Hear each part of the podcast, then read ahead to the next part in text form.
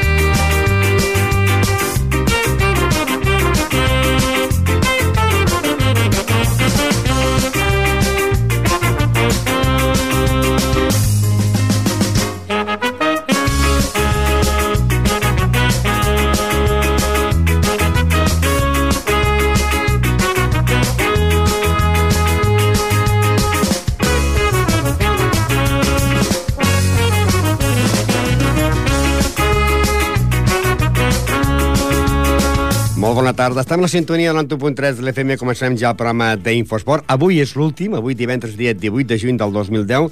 És el programa de final de temporada. Abans de tot, doncs, donar les gràcies a totes les entitats esportives que han col·laborat durant tota la temporada, que va començar la primera setmana de setembre, fins a aquesta penúltima setmana del mes de juny.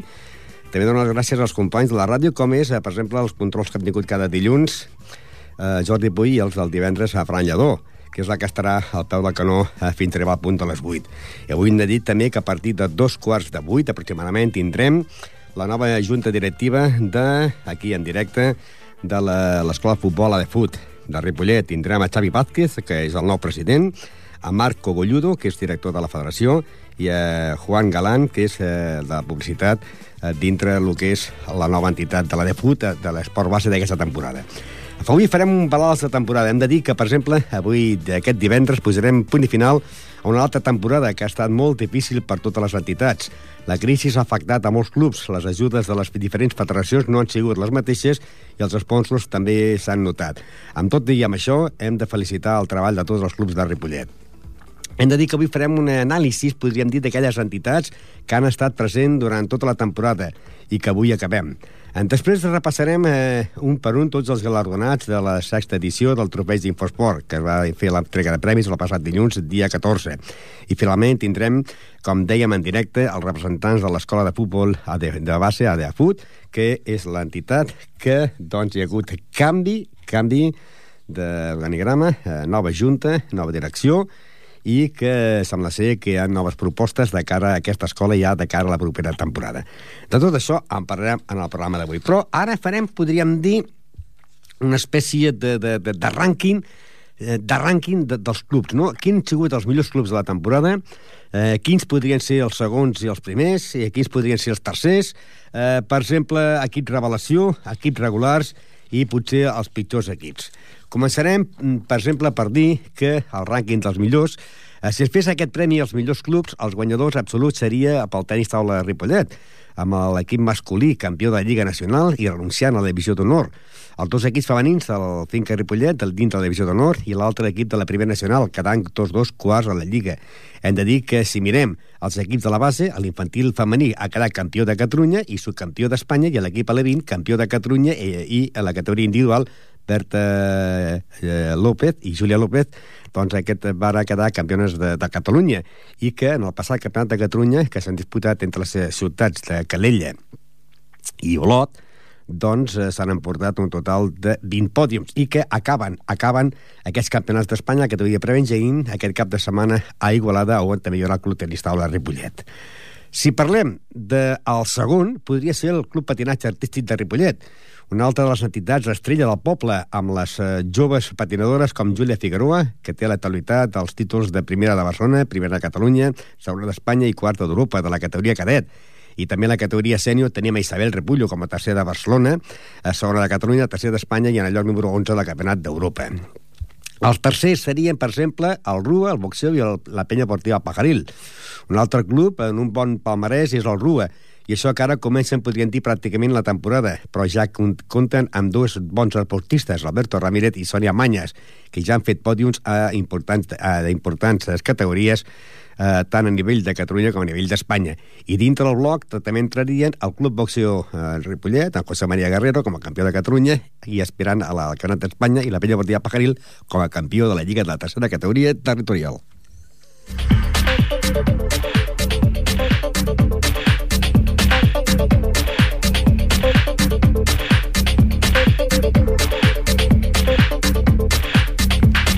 Altres clubs a destacar, doncs podríem destacar, dintre dels clubs a destacar, podríem posar el Club de Futbol Ripollet per classificar-se en el quart lloc de la preferent. I tenir, i tenir, doncs podríem dir, no sé si per molt o poc temps, el màxim golejador del club i de la categoria amb 26 gols com ha sigut Cristóbal León.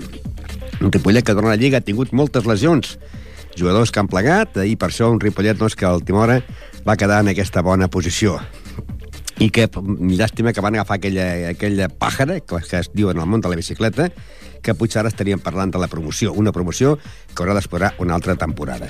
També podríem dir que destacaríem doncs, l'equip de bàsquet de l'Avell, l'Avell Gasó, segon a la Lliga i renunciant a la fase d'ascens. Un equip que les últimes jornades va tenir a l'equip molt just de jugadors, acabant molts partits només amb 5 jugadors, inclús en 4 i guanyant també alguns partits.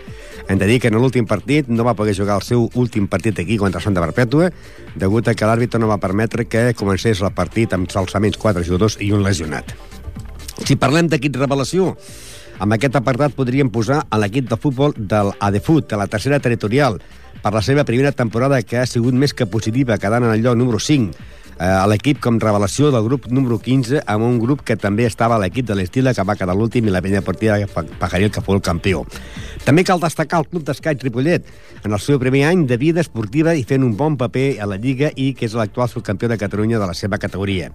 Els equips més regulars els equips més regulars, tots podrien dir amb un suspens per l'equip de Club Hockey Ripollet dintre dintre un equip que va fer una bona primera mm, part, podria una primera volta molt dolenta, i bona la segona, però que ja va ser massa tard per l'ascens a la primera catalana. També posaríem el club de Humboldt Ripollet, que va quedar últim a la Lliga i finalment a l'equip de bàsquet del Casó Caixa Girona, aquests tres eh, equips que van fer una actuació discreta a molts alts i baixos durant tota la temporada. Els pitjors, els pitjors podríem dir que és el, per l'equip del Club Bàsquet Ripollet, el primer equip eh, quedant a la fase regular en el lloc número 11 i, i que van fer la promoció per mantenir o perdre la Copa Catalunya, tenint que jugar una eliminatòria amb factor pista a favor contra l'equip de l'Avert Design de Manresa, guanyant la i salvant la categoria.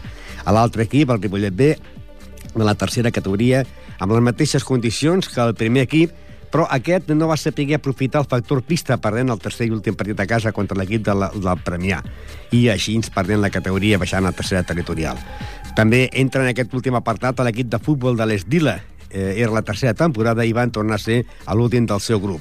Esperem que tots aquests equips doncs, eh, millorin les seves bones classificacions i que l'any que ve puguem dir que el balanç ha sigut positiu. I ara farem, doncs, eh, i hem de dir també que aquest cap de setmana, aquest cap de setmana, es disputarà a, eh, a Igualada eh, els campionats de Catalunya de la categoria eh, infantil i benjamín. Hem de dir que pel part del Club Tenis Taula Ripollet, l'equip eh, infantil eh, estarà un en el grup B, o sigui, en el grup 2, i l'altre en el grup 4.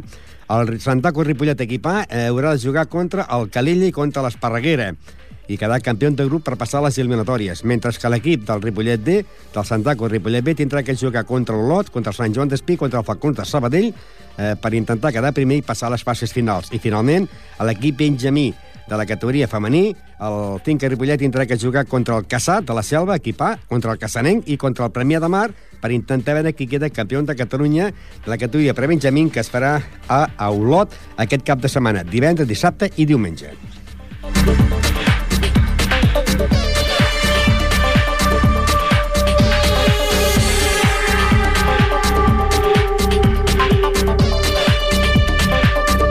Futbol futbol. Bé, i ara, com dèiem, farem la, el repart de prèmits. Eh, aquest cap de setmana hi va haver doncs, l'entrega de la sexta edició del Tropeig d'Infosport i hem de dir que pel, va recollir el trofeig per part del Club de Ripollet, entrenat per Jordi Muñoz, a la categoria preferent un Ripollet que ha tingut que lluitar esportivament contra els equips algunes vegades contra els àrbitres, però que sobretot, i tinguent la lluita final, eh, va haver de lluitar de valent contra les lesions. Finalment, va quedar en el lloc número 4 amb 62 punts, amb un total de 42 gols en contra i 56 a favor. Cal destacar que des de primer dia el màxim golejador del Ripollet ho ha estat amb molta diferència de la resta dels seus companys d'equip, que a més, de l'última jornada va marcar dos gols. Va ser eh, el passat eh, jugador, eh, va ser el Pichichi de la preferent, marcant un total de 26 gols.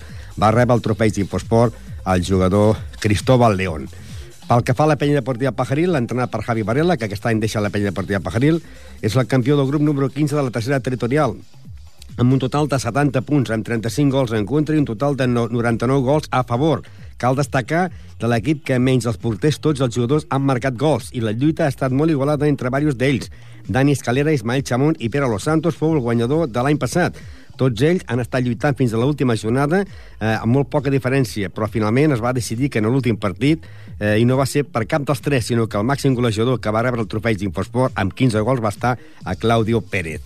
Pel que fa a l'associació esportiva Estila, hem de dir que està entrenat per Antonio Linares, és la tercera temporada d'aquest equip de la tercera territorial. Va quedar en el lloc número 15 amb 8 punts, amb un total de 126 gols en contra i 36 a favor. Va lluitar pel trofeig d'Infosport, ha estat entre eh, José Tanyan i Alberto Linares i Àlex Ruiz, eh, com els més efectius, però finalment en els últims partits s'ha destacat com a màxim golejador de l'Esdila i va rebre el trofeig d'Infosport Àlex Ruiz per haver marcat 10 gols. Pel que fa a l'equip de la de Fut, doncs entrenat per Xesco Baena, més conegut a Balom de Xesco, primera temporada en aquesta tercera territorial, un club que hem de dir que més, a més a més dels equips de base també tenia un equip femení.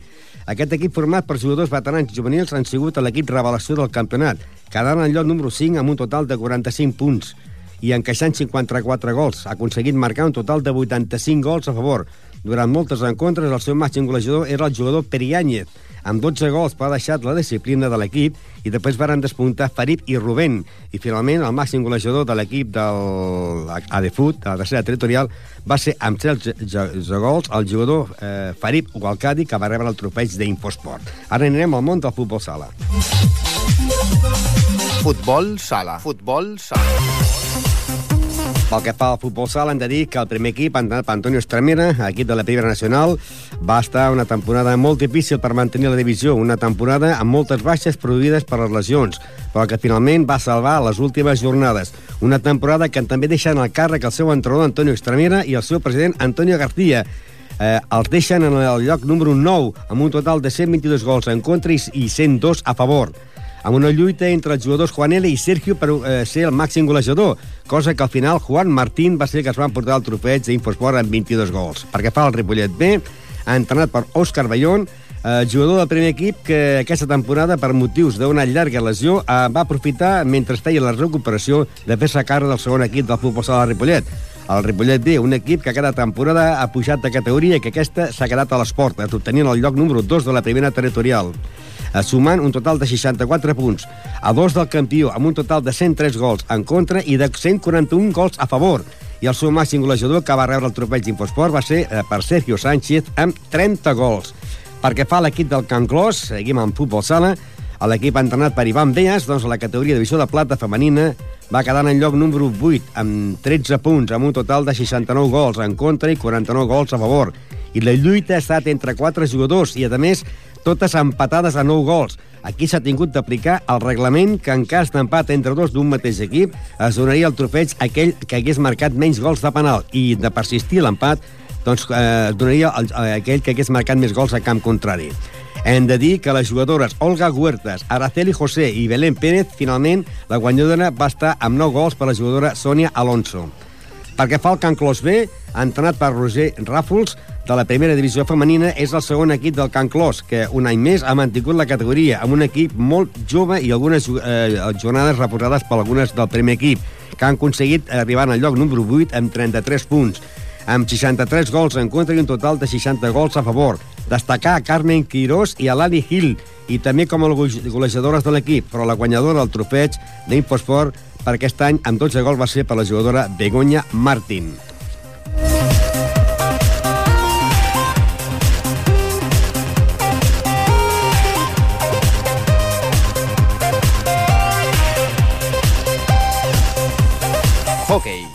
Hockey. A la món del hockey hem de dir que l'entrenador és eh, Josep Francesc Borràs, més segut amb el nom de Tato, el Club Hockey Ripollet, eh, que milita la segona categoria catalana en una temporada que s'esperava a l'ascens, un ascens que eh, no ha arribat i que finalment han quedat en el lloc número 8 amb 34 punts, amb un total de 138 gols en contra i 123 a favor. Eh, dos són els jugadors que han marcat més gols en aquest campionat i que fins a les últimes jornades no es va decidir qui dels dos s'enduia el trofeig d'Infosports. Ells eren Gerard Aran i Pol Sicard. La Lliga va acabar el passat dia 6 de juny jugant contra l'equip campió, el Bartino, que comptava amb un dels porters menys golejats de la Lliga. Finalment, el màxim golejador i que va rebre el trofeig amb 22 gols va ser per Pol Sicard.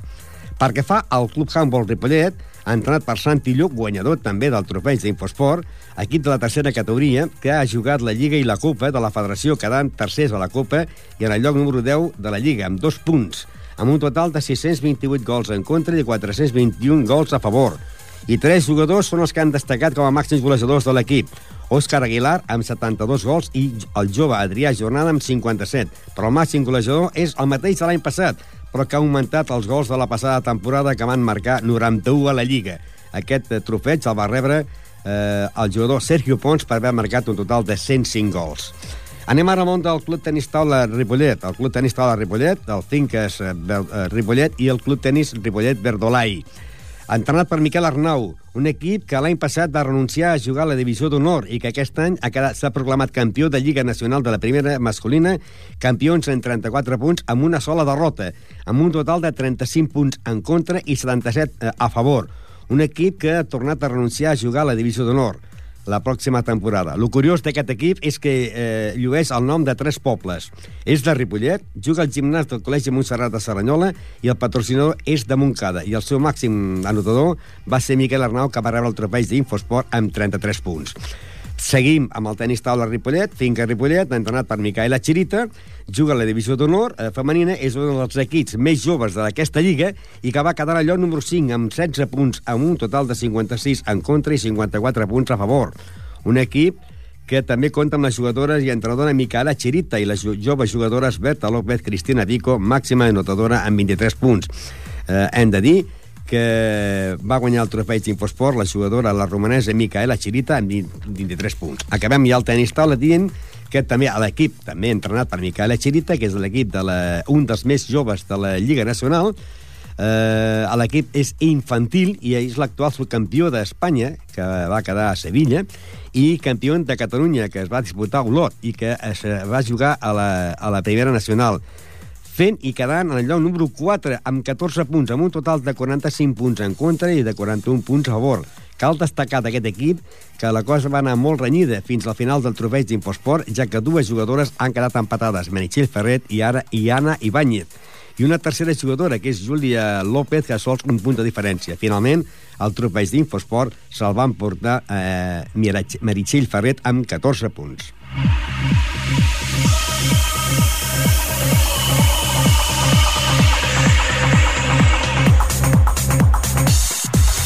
I anem al món del tennis. Club Tenis Ripollet, a l'equip de la categoria absoluta per jugadors de més de 18 anys, que aquest any han provat de no jugar a la Lliga del Baix Llobregat per la Lliga de la Federació Catalana, cosa que no els ha anat gaire bé perquè la primera, és la primera vegada que apareixien aquesta lliga, eh, lliga i que no era a doble volta mentre eh, que aquesta era per, a partit únic. Finalment, han quedat tercers amb 24 punts, amb un total de 6 punts en contra i 26 punts a favor, sent el màxim anotador i que va rebre el trofeig d'Infosport el jugador eh, Àlex Moya.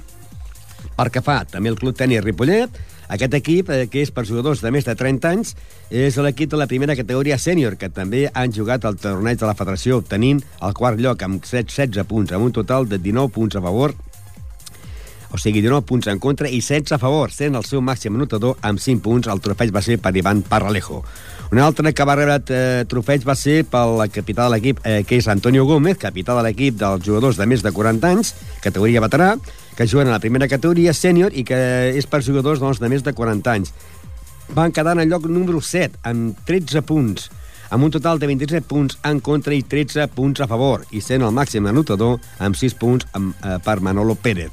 I finalment, Aquest any va entrar també per al trofeig del club de, de tennis Víctor Trosses, un equip nou en aquesta temporada que ha jugat a la mateixa categoria i a la mateix grup del Ripollet, a la categoria absoluta per jugadors de més de 18 anys.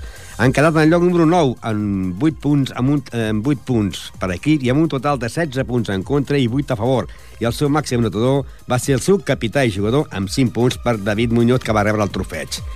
En el món del bàsquet hem de dir que l'equip, primer equip del Ripollet, entrenat per Agustí Fornés, el Club Bàsquet Ripollet, eh, que va començar una nova temporada a la Copa Catalunya amb un nou president, Rafa Díaz, que ha vist com el primer equip obtenia el lloc número 12 de la Copa Catalunya, de la primera categoria amb 43 punts, amb un total de 2.295 punts en contra i de 2.275 punts a favor amb una eh, favor i a més a més amb una lliga eh, molt llarga amb equips molt forts i tenint que disputar finalment el play-off de permanència amb el factor pista al seu favor contra l'equip de l'Albert Disseny de Manresa guanyant el primer partit per 77 a 70 i el segon al Manresa per 87 a 90 després d'una pròrroga i aquest segon partit sense el seu màxim anotador que per motius de feina no va poder jugar aquest últim partit. La lluita entre Carles Cobo i Lliçar Termes per obtenir el premi de màxim anotador d'aquesta temporada, que finalment va ser amb, 30, amb 327 punts pel jugador Lliçard Termes. Perquè fa el Club Bàsquet Ripollet B, eh, entrenat per Carles Tatxer, aquest equip també ha tingut que jugar el play-off de permanència de la tercera catalana, ja que es va quedar en el lloc número 11, amb 40 punts, amb un total de 1.966 punts a favor en contra i 1.717 a favor, tenint també que disputar el play-off de permanència contra el Premià, tenint de disputar els tres encontres. El primer, amb victòria, al Francesc Bernada per 56 a 48. El segon van perdre a Premià per 67 a 56 i el tercer i últim es va jugar a Ripollet amb victòria de l'equip de la Costa per 61 a 68 perdent la tercera categoria. Però fins a l'últim partit no es va decidir qui seria el màxim notador, ja que dos jugadors estaven lluitant per, per aquest trofeig. Eren Miquel Batxot i Sergi Marín. Finalment, el seu màxim anotador amb 311 punts va rebre el trofeig Sergio Marín. Seguim amb més bàsquet perquè el Club Bàsquet Gasó Caixa Girona, equip de la tercera territorial, doncs un equip que aquesta temporada lluitava pels primers llocs del seu grup, però que en molts, en molts partits per les, les lesions no podia comptar amb els millors jugadors. I finalment varen fer un bon paper quedant en lloc número 7 de la tercera categoria. Eh, amb 41 punts a favor, amb un total de 1.948 en contra i 1.909 a favor. I el seu màxim anotador, en 424, va ser per Manuel López.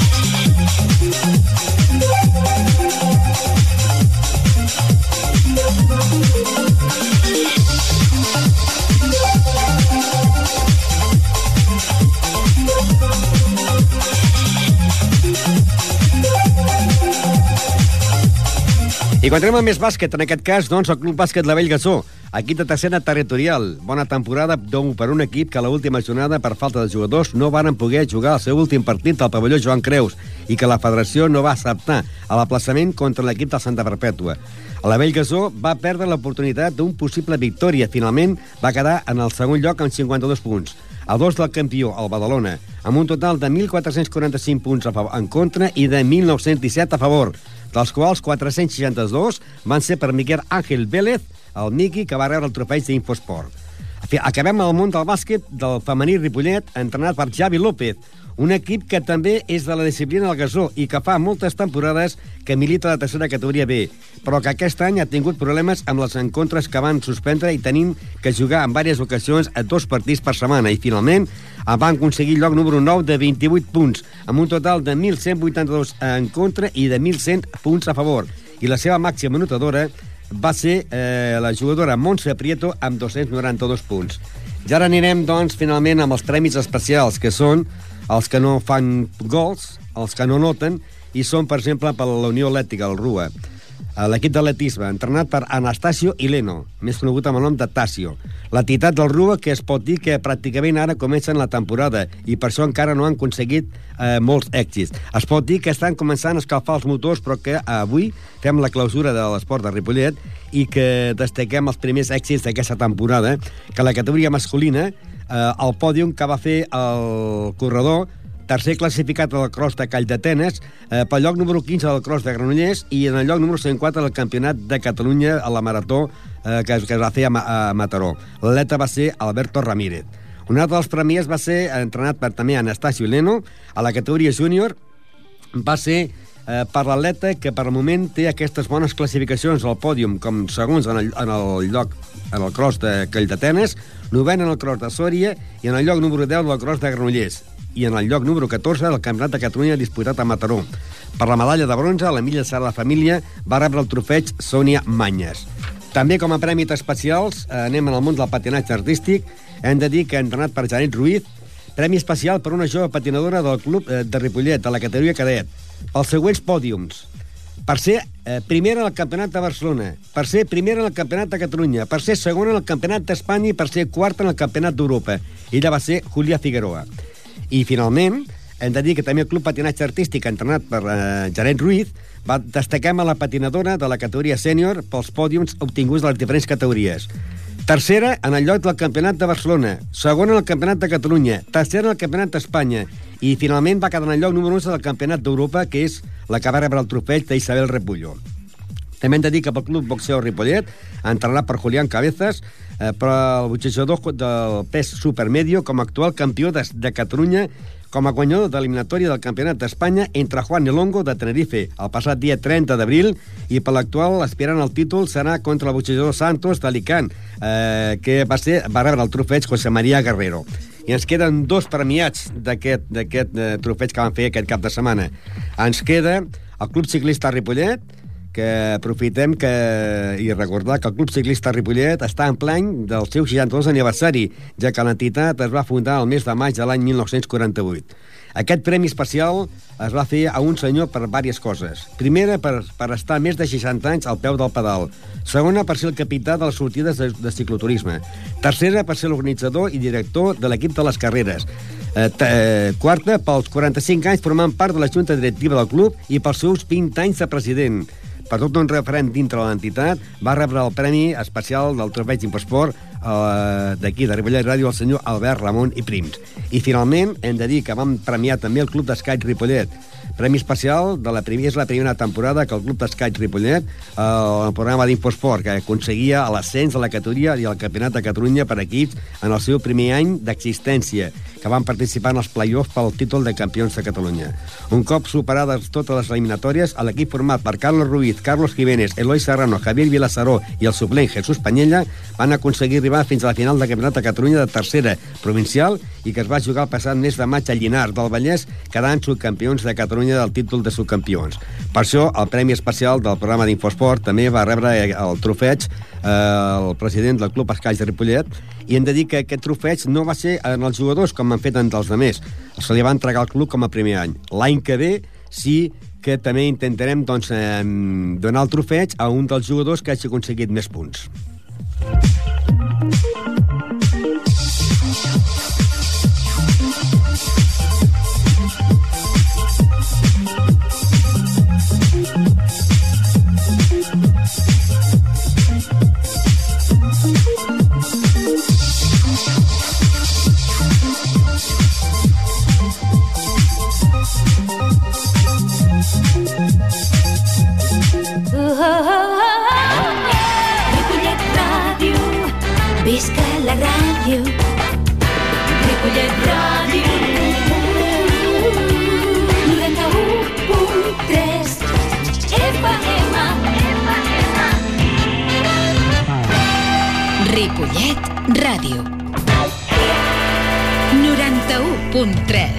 91.3 L'emissora municipal.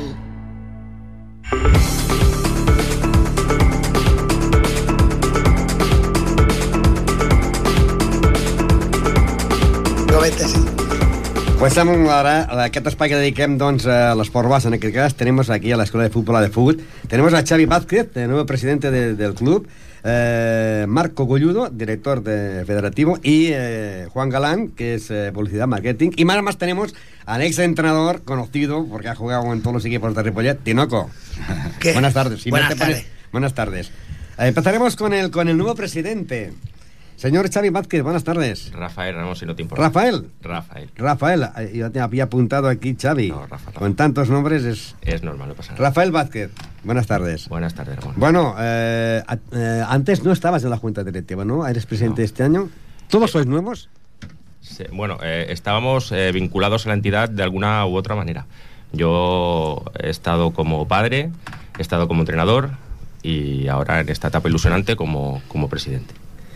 Eh, se empieza una temporada nueva, se acaba la temporada y prácticamente quizás sois los equipos que más pronto habéis empezado a trabajar, ¿no? Porque generalmente mucha gente se prepara para septiembre, vosotros se está acabando, se ha acabado la liga ya y ya empezáis Hay mucho a- trabajo. a mucho trabajo y empezáis ya con, con- con nuevos proyectos, ¿no? Nos vamos ahora con Marco Golludo. Buenas tardes. Buenas tardes. ¿Qué tarea tendrás tú en el equipo? Bueno, yo básicamente pues la que llevo desarrollando desde hace unos meses, llevo la parte de coordinación federativa, que es el tema de fichas, de federación, etcétera. Y bueno, es un cargo que me propusieron hace un tiempo, cuando abandonó el puesto el, antiguo coordinador, y lo cogí con mucha ilusión, porque bueno, llevo en la escuela desde que se fundó, como jugador y como entrenador, y ahora en esta nueva etapa también, como dice Rafa, pues como coordinador y con mucha ilusión y, y para adelante. Y otro de los nuevos, Juan Galán. Buenas tardes. Hola, buenas tardes. Eh, su faena también delicada, ¿no? En la entidad. Bueno, a ver, este año queríamos eh, mirar un poquito el tema de, de que las cuotas fueran lo más eh, livianas posibles, dado la situación económica que hay ahora. La crisis. eh, la crisis. Vaya. Y para eso, bueno, pues con Manolo, con Tinoco, vamos a intentar, bueno, las cuotas las hemos bajado muchísimo, yo creo que bastante, bastante ajustadas y competitivas. Y entre Manolo y yo, pues tendremos que conseguir eh, el resto de, de los ingresos que antes se hacían con las cuotas, para eventos, fiestas y demás, pues los conseguiremos a base de eh, publicidad mencionada, eh, sponsors. Eh, tenemos aquí una serie de datos ante la escuela. Eh, pitufos. Por ejemplo, Los sí. pitufos. Aquí tenéis eh, 150 150 euros euros, la si no- inscripción. No, la inscripción no, la temporada completa. temporada completa. Eh, y que, con eso entra la ropa y Entra ropa, entra lo que es el seguro, digamos, la mutua. La sea, ficha la- y la todo. ficha. Antes eh, era ese precio. o- Mm, a ver, eh, el tema de los pitufos, eh, digamos que este año es el primero que lo hemos afrontado bien, pero bueno, están pues en 200 o en 250 tranquilamente en otros sitios. El Benjamín, que serían 160 euros. Pues el año pasado estábamos en 300, si no recuerdo mal. 100, Benjamín, que era 300, 190. 330. Aledín, eh, 190 también. Exacto, sí, el año, el año anterior también en 330, ¿no? Sí. Eh, Infantil, 275. Lo mismo que el cadete, 275. Sí, eh, las últimas tres categorías es, Y el juvenil más o menos 160. equiparadas. Y para hacerse, dejásemos del equipo de tercera categoría que ha sido la revelación. No, no está el precio aquí, ¿no?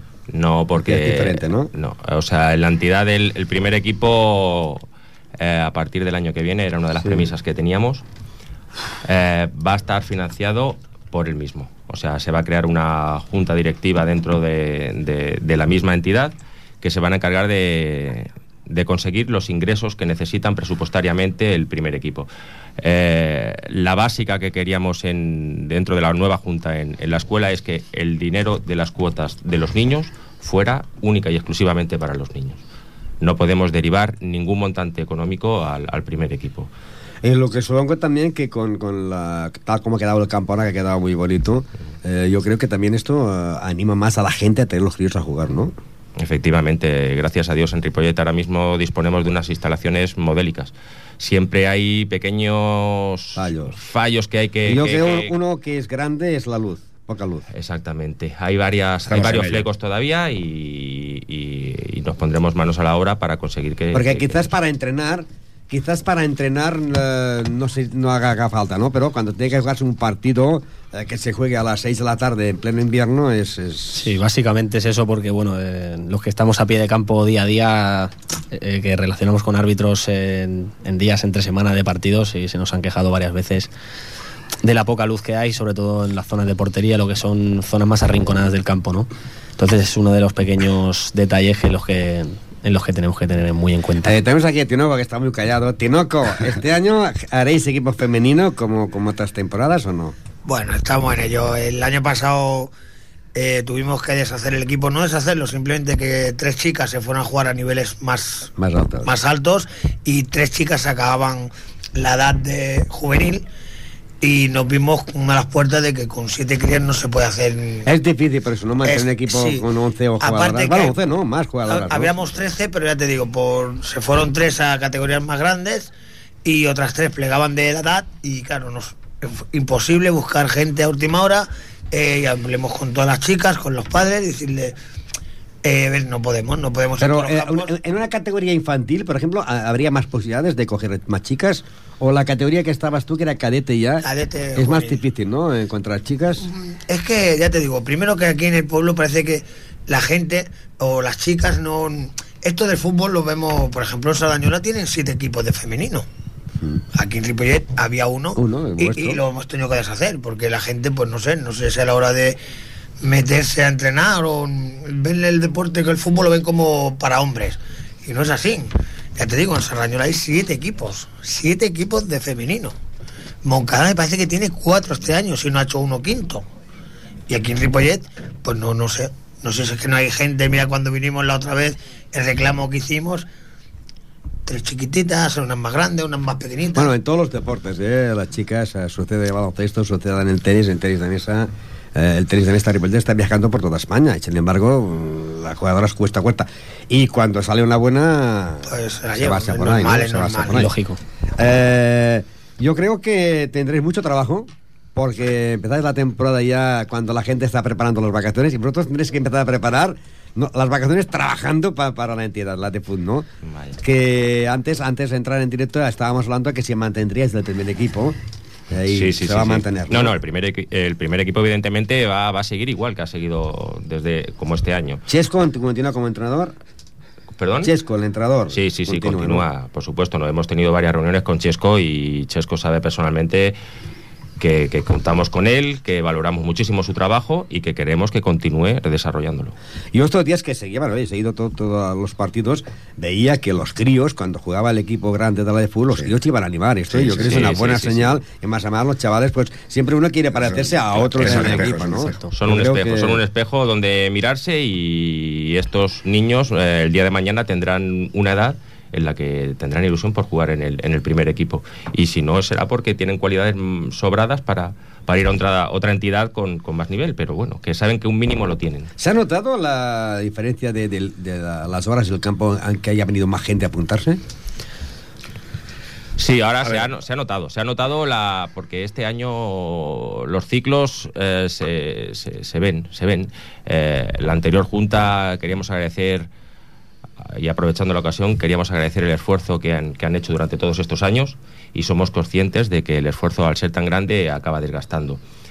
Eh, nosotros eh, nos hemos dado cuenta y, ne- la escuela necesitaba una inyección de ilusión, una inyección de, frescura y eso es lo que estamos haciendo. Y la gente también lo ha notado, porque el año pasado la gente estaba preocupada y se han dado cuenta de que, de que esto otra vez está vivo, de que, de que hay actividad y que hay ilusión, hay nuevos proyectos y esa es nuestra inquietud y, y se Y está luego, notando. cuando empiece la temporada, eh, os he hablado de estas categorías. ¿A cuántos equipos haréis, más o menos? ¿Lo tenéis a- asimilado? Sí, más o menos, pues eh, en principio la idea es, mm, a ver, de, de las categorías superiores, evidentemente, en principio uno, ¿vale? Eso ya dependiendo de Ah, todos los... Has hablado de tercera territorial, ¿no? Sí, tercera territorial, eh, juvenil, en fin, de momento... Juvenil eh, es importante, ¿no? Juvenil es un equipo- hay un juvenil que podría pasar Exacto, primer equipo, es, ¿no? eh, ta- es la es una categoría importante, pero bueno, hay que seguir trabajando. Si es- va a ser un año duro, mm, estamos eh, trabajando bastante. Pero bueno, eh, nosotros es una de las cosas que nos ilusiona y bueno, en principio juvenil habrá uno, cadetes intentará hacer dos, infantiles dos, etcétera, así hacia, hacia abajo. Lo que es la base base sí que es verdad que Si ahora mañana, bueno, mañana, si el mes que viene empezar la liga, y el mes que viene quedan una semana, eh, ¿de cuántos equipos dispondríais? Pues ahora mismo tendríamos un juvenil, un cadete, un infantil, dos alevines, un benjamín, tres prebenjamines y un patufet y el primer equipo. Patufet. Patufet es la edad más, más linda de ¿A qué, qué edad tiene Patufet? 3, 4 y 5 añitos. Es con la... Pero ya puede con la pelota. Y si no se puede, se le ayudará. Para eso estamos. Porque, claro, la- el césped, eh, aunque sea artificial, ¿frena la del balón o no? Dependiendo del estado, o sea, si es está mojado, O está... las pelotas para prender son diferente, diferente peso. Sí, no, diferente peso no, diferente medida. Diferente ¿Vale? medida. Es decir, si la categoría Patufé, Prebenjamín y Benjamín y Alevín, que juegan fútbol 7, este año la federación ha impuesto todo el fútbol 7 poner balones P4 y en las demás categorías P5, que es el balón normal y corriente. ¿Y para cada equipo cuántos eh, jugadores eh, tendréis? Pues más o menos alrededor de ¿A cuánto obligan que sea un equipo? Lo máximo de fichas que puedes hacer, mm, bueno, estamos hablando de infantil para arriba sería fútbol 11, son 25, no puedes hacer más de 25, ¿vale? Los partidos Para solo- un equipo. Sí, para un equipo. Es decir, si tienes un infantil, 25 fichas por, por ese infantil. Si tienes dos, pues 25 por cada uno. ¿De acuerdo? Entonces, mm, la idea es esa. Entonces, 18 jugadores son los que pueden ir convocados en un partido, no pueden ir más, solo pueden entrar en acta 18. Y de fútbol 7 no, no hay, no hay límite. O sea, bueno, hay límite. Claro, si vas a escribir 40, y- 40 niños, no vas a hacer un equipo, ¿no? Pero me refiero que por, el- por equipo, normalmente, normalmente no ponen, no ponen límite. ¿Y cuánto empezaréis ya, la, digásemos, a, programar todos estos equipos? Ya Estamos ya, estamos trabajando. Ya, ya- ya eh, van a entrar, a entrar y todo. No, esta semana, precisamente, eh, eh, acaba eh, durante el fin de semana lo que es la temporada. Queríamos aprovechar la ocasión para invitar a, a todas las personas que no, que no conozcan la entidad, eh, que se pasen por, por nuestras instalaciones y están invitados a, a- a disfrutar del, del- del evento y que, que nos conozcan y, y que sepan y valoren el trabajo que se realiza por el futuro de, de- de- de nuestra sociedad, que no deja de ser otros que los niños. Además, la gente puede venir allí a pedir cualquier hora información. Eh, ¿Tenéis horas de oficina en el mismo campo? Sí, tenemos la hora de oficina que es cada día, de lunes a viernes, incluso bueno, algún fin de semana por las mañanas en caso de partido. Pero bueno, la, ma- la gran mayoría de los días, de lunes a viernes, de 5 y media, 8 y media a 9, estamos por allí. Estoy ¿Y yo. también atendéis alguna llamada por teléfono para sí, atender a la eso gente? siempre, eso el teléfono nunca para de sonar. Y bueno, en fin, hay mucha gente que, Eh, que pasa por allí. Ya sabéis el, el- el- dónde te habéis metido, ¿no? Con el trabajo. Sí, pero, pero somos, ¿eh? Dirigir a críos es difícil, ¿eh? Sí, pero somos gente de fútbol. Nosotros anteriormente Ya, bueno, también ya. hemos sido niños, ¿eh? Sí, sí. Y sabemos... y Pero no- a tu edad no había las facilidades que hay ahora. por eso, por eso me hago cruces, porque yo me acuerdo de los campos de tierra, me acuerdo de las botas de fútbol que usábamos en aquel entonces, me acuerdo de los balones que, que usábamos. Yo he jugado piedras, con no la balones. pelota, con la pelota que cuando rematabas y llovía te quedaban Vaya. las cuerdas marcadas en el. Vaya. No sé si tú no las No, probado. no, yo no. El Tinoco quizás sí. Yo sí, yo sí, yo sí. Pero de jovencito, por eso. Sí, sí, ¿eh? de muy bojancito. O sea que. Y verdaderamente nuestros hijos y nuestros niños son unos privilegiados y queremos, queremos ofrecerles eso, que valoren eso, que hay cosas más importantes pues que una consola o, o que una televisión. ¿Y todo bajando gastos de, de cuotas? ¿Vais a cubrir presupuestos? A ver, la intención es que sí, ¿no? O sea, está trabajando bastante duro, pero bueno, esto se lo puede hablar mejor Tinoco, que es el No, que hombre, pero eso están lo- luego están los, los extras que se dicen, ¿no? La gente que colabora a través de este año hemos puesto cuñas, o sea, vamos a poner megafonía en el campo, ya la tenemos, pero vamos a explotarla un poquito. O sea, Publicidad en el campo. exacto, publicidad, pero publicidad Eso- está. se la megafonía se, se, se- Sí, este año se usa vamos- muy poco, ¿eh? Sí, por eso este año vamos a intentar sacarle provecho. O sea, este año queremos que la publicidad que se paga estática en el campo a través sea que se oiga por la megafonía. Y además, además sería buena idea también, incluso los partidos de los Eh, fríos, anunciar las alineaciones que a los fríos también les... Exactamente, esa es la idea que te- este año no hemos propuesto, porque eso ya bastante hemos rebajado cotas, con eso pues casi casi cubrimos los gastos de los críos, pero claro, luego están las empresas que colaboran. Hay muchas empresas que colaboran, pues tener el nombre puesto en el campo de fútbol, queremos hacer, ya te digo, explotarlo al máximo. Y no paramos de buscar dinero por un lado, buscar dinero por otro, porque es lo que tenemos que hacer. La megafonía, ahora, eh, los asuntos de pancartas, que esto no sé cómo lo tenéis enfocado, porque claro, ahí juegan cuatro equipos, tres equipos. Sí. Bueno, juegan más, ¿no? No, sí, Pero sí. está el Estila, está el, la el- escuela el- y está el pajarín. Y entonces, ¿hay lugar para todos? ¿No? Ese trozo es mío, Sí, ese trozo es para A ver, eso cuando se hicieron el campo ya, cuando, cuando empecemos a montar el campo, ya cada uno tenía su, su zona para explotarla. ¿Vale? O sea, el pajarín tiene toda la banda de la entrada derecha, el industrial que desapareció tenía toda la izquierda Y la escuela, como éramos los que más críos teníamos y lo que más, era todo lo que es alrededor del campo.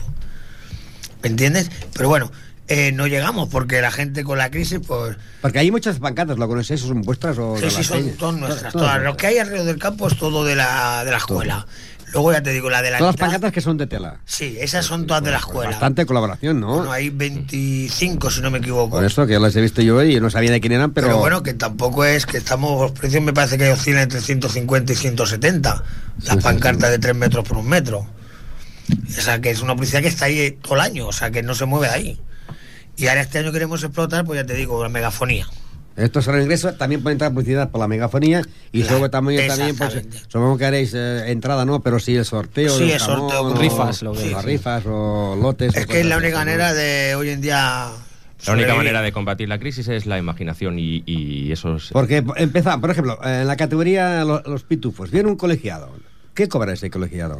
En la categoría Pitufo, bueno, es una es otra liga aparte, no es Federación Catalana, es otra otra federación. ¿O puede Se- ser un, delegado hacer de...? No, eh, viene árbitro igual, eh, viene árbitro igual, cobra sobre unos 23,50 euros más o menos. La categoría pre-Benjamín ya nos vamos a 26 con algo, si no recuerdo mal. Benjamín ya oscila entre los 30 y 31, 32. Y luego hacia arriba ya pues tienes el Alevín que cobra 35, el infantil cobra unos 40, jo- cadete 45, 46. Y que a y va unos, oscilando algunos sábados, algunos domingos hay tres o cuatro partidos, ¿no? Exacto, sí, cada fin de semana tienes dos, tres, cuatro partidos. Los 100 dependiendo. euros de árbitros se van casi cada domingo, porque mientras los otros van a jugar afuera, los demás jugarán en casa. Exacto, o sea que sí, sí, sí. este gasto ya... ¿Cubren los gastos la, la- lo que se, cuando se ponen en la puerta los números? ¿Cubren los gastos? No es que cubran, pero de eso se trata, de intentar de que cubran. Ramón, tú lo sabes como todo, Ya, ya, tú pues llevas sí, esto, o sea, tú sabes lo que genera una cosa. Si la gente no se mueve y no ayuda y no apoya, eh, pues no cubres. Para el cubrir tienes que hacer, tienes que intentar maravillas para cubrir, lo que sea. Que hay que sortear unas botas de fútbol de Maradona, pues se sortean. El caso es sacar dinero de donde se pueda. Ah, debajo de las piedras. Eh, claro, y el tema es siempre lo mismo, porque siempre pagamos los mismos. El euro de la etiquetita para el jamón, todas las semanas somos los mismos padres, la misma gente que va al campo. Llega un momento que dice, bueno, ¿para qué quiero si es que no me toca? ¿Para quiero tantos jamones, no? si no me toca. Pero bueno, eso se trata y como todos sabemos que la colaboración es muy importante, pues todos intentamos colaborar a medida de lo que se puede. Si uno puede, pues más, pues más. Si uno puede menos, pues menos. ¿Y ahora estáis trabajando hasta cuándo? Por ejemplo, ya, porque luego digo a vacaciones. Lo que es el tema ¿no? deportivo, finiquitamos eh, lo que es actividad este fin de semana. Eso no quiere decir que la junta directiva no siga su, su, su, su es- yo me refiero a los, a los críos. Los críos este fin Los de críos semana este fin de con el semana. torneo de clausura eh, finiquitamos la temporada. ¿Y ese torneo de clausura vienen equipos de fuera? ¿Cómo Sí, tenemos, bueno, lo hacemos tipo triangular, vienen dos equipos por categoría más el nuestro, tres. Y de lo que se trata es eso, vienen, bueno, vienen equipos como viene San Quirse, por ejemplo. ¿Pues vienen viene- gratis esos equipos? ¿O hay que pagarles el bocadillo, No, no, los bebida? equipos vienen a jugar un torneo, se le dará su trofeo, su detalle para los niños de una pasta y un zumo, una bebida, algo, un detallito para cada crío y el trofeo para, para la entidad y, y ya está. ¿Y luego para verano no hacéis alguna escuela de aquella? Aquí la gente que no se vaya de vacaciones, pues mira, hacer como unos cursillos de entrenadores. Eso está previsto. Para Estilo intentar- campus, estilo campus. Sí. Está previsto.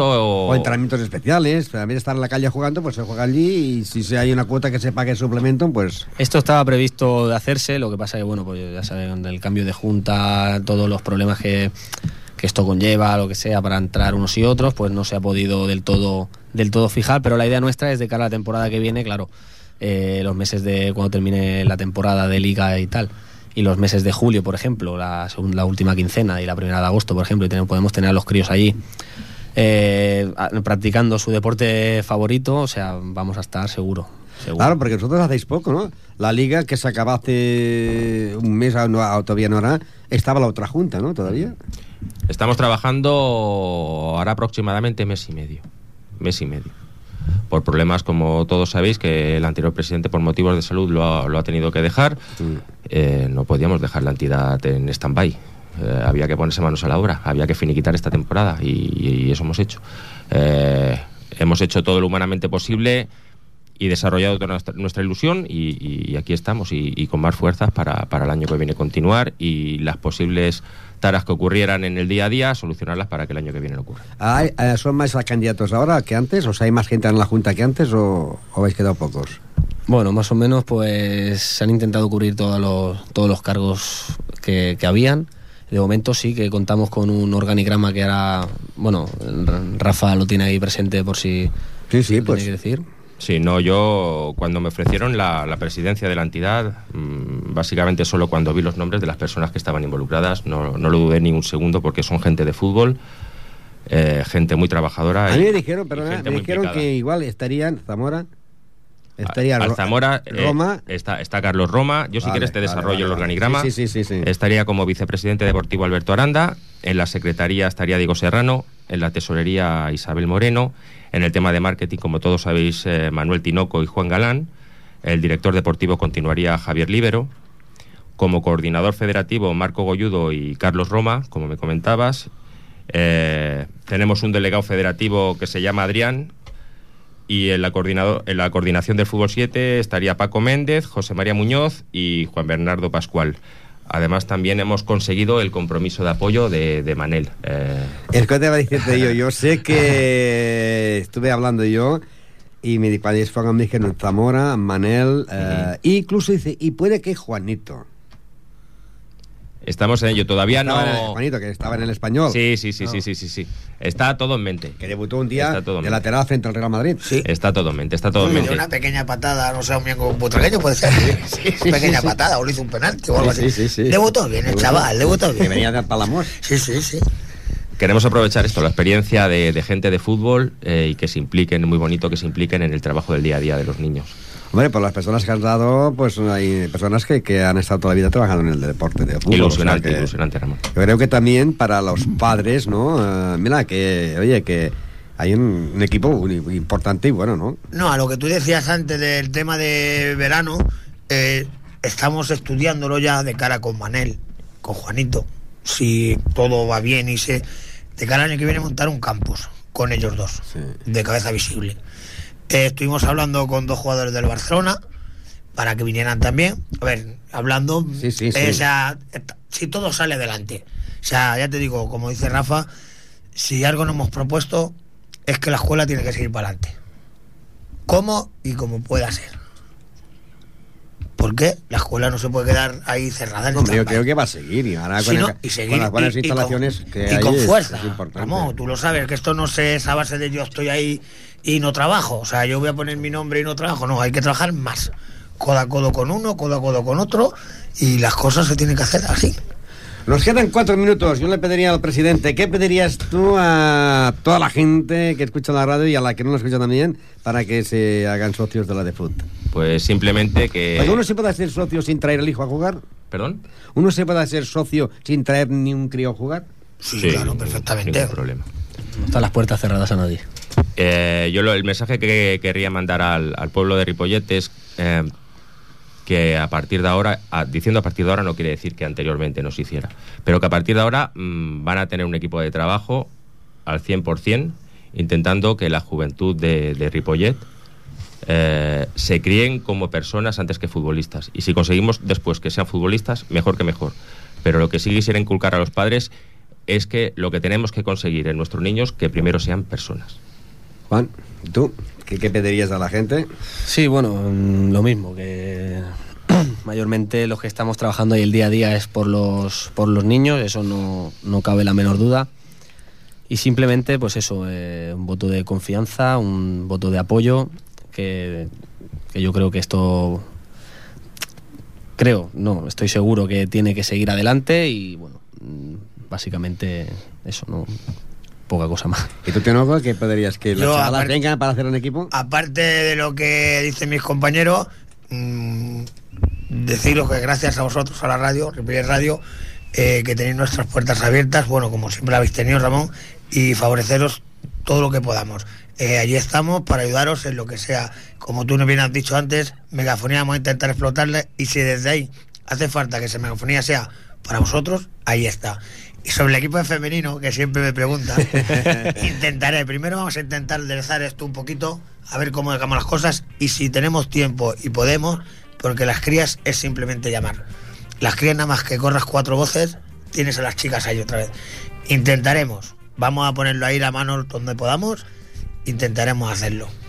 Doncs ens queden dos minuts, eh, posarem punt i final. Nos queda algun, alguna cosa que haya quedado en el tintero? Rápidamente. Sí, yo simplemente como, como a modo de despedida eh, quería comentar, seguro que nos está escuchando, a don Pedro Sarrión, que es nuestro presidente de honor, que tenía una serie de inquietudes y dudas eh, con la anterior junta. Yo quería comentarle a don Pedro Sarrión que la entidad tiene las puertas abiertas hacia su persona, que sepa que sigue siendo el presidente de honor de la entidad y que, como siempre, el torneo de apertura de la temporada es el, el, el- perdón, el torneo Pedro Sarrión, que estamos con la sexta edición. Molt bé, doncs posarem punt i final, punt i final i des d'aquí, de Ripollet Ràdio, doncs desitgem que tingueu unes bones vacances i una bona temporada per la nova junta directiva de la de Futbol. Bona tarda, adéu-siau, bona tarda. Adéu-siau, Bona tarda.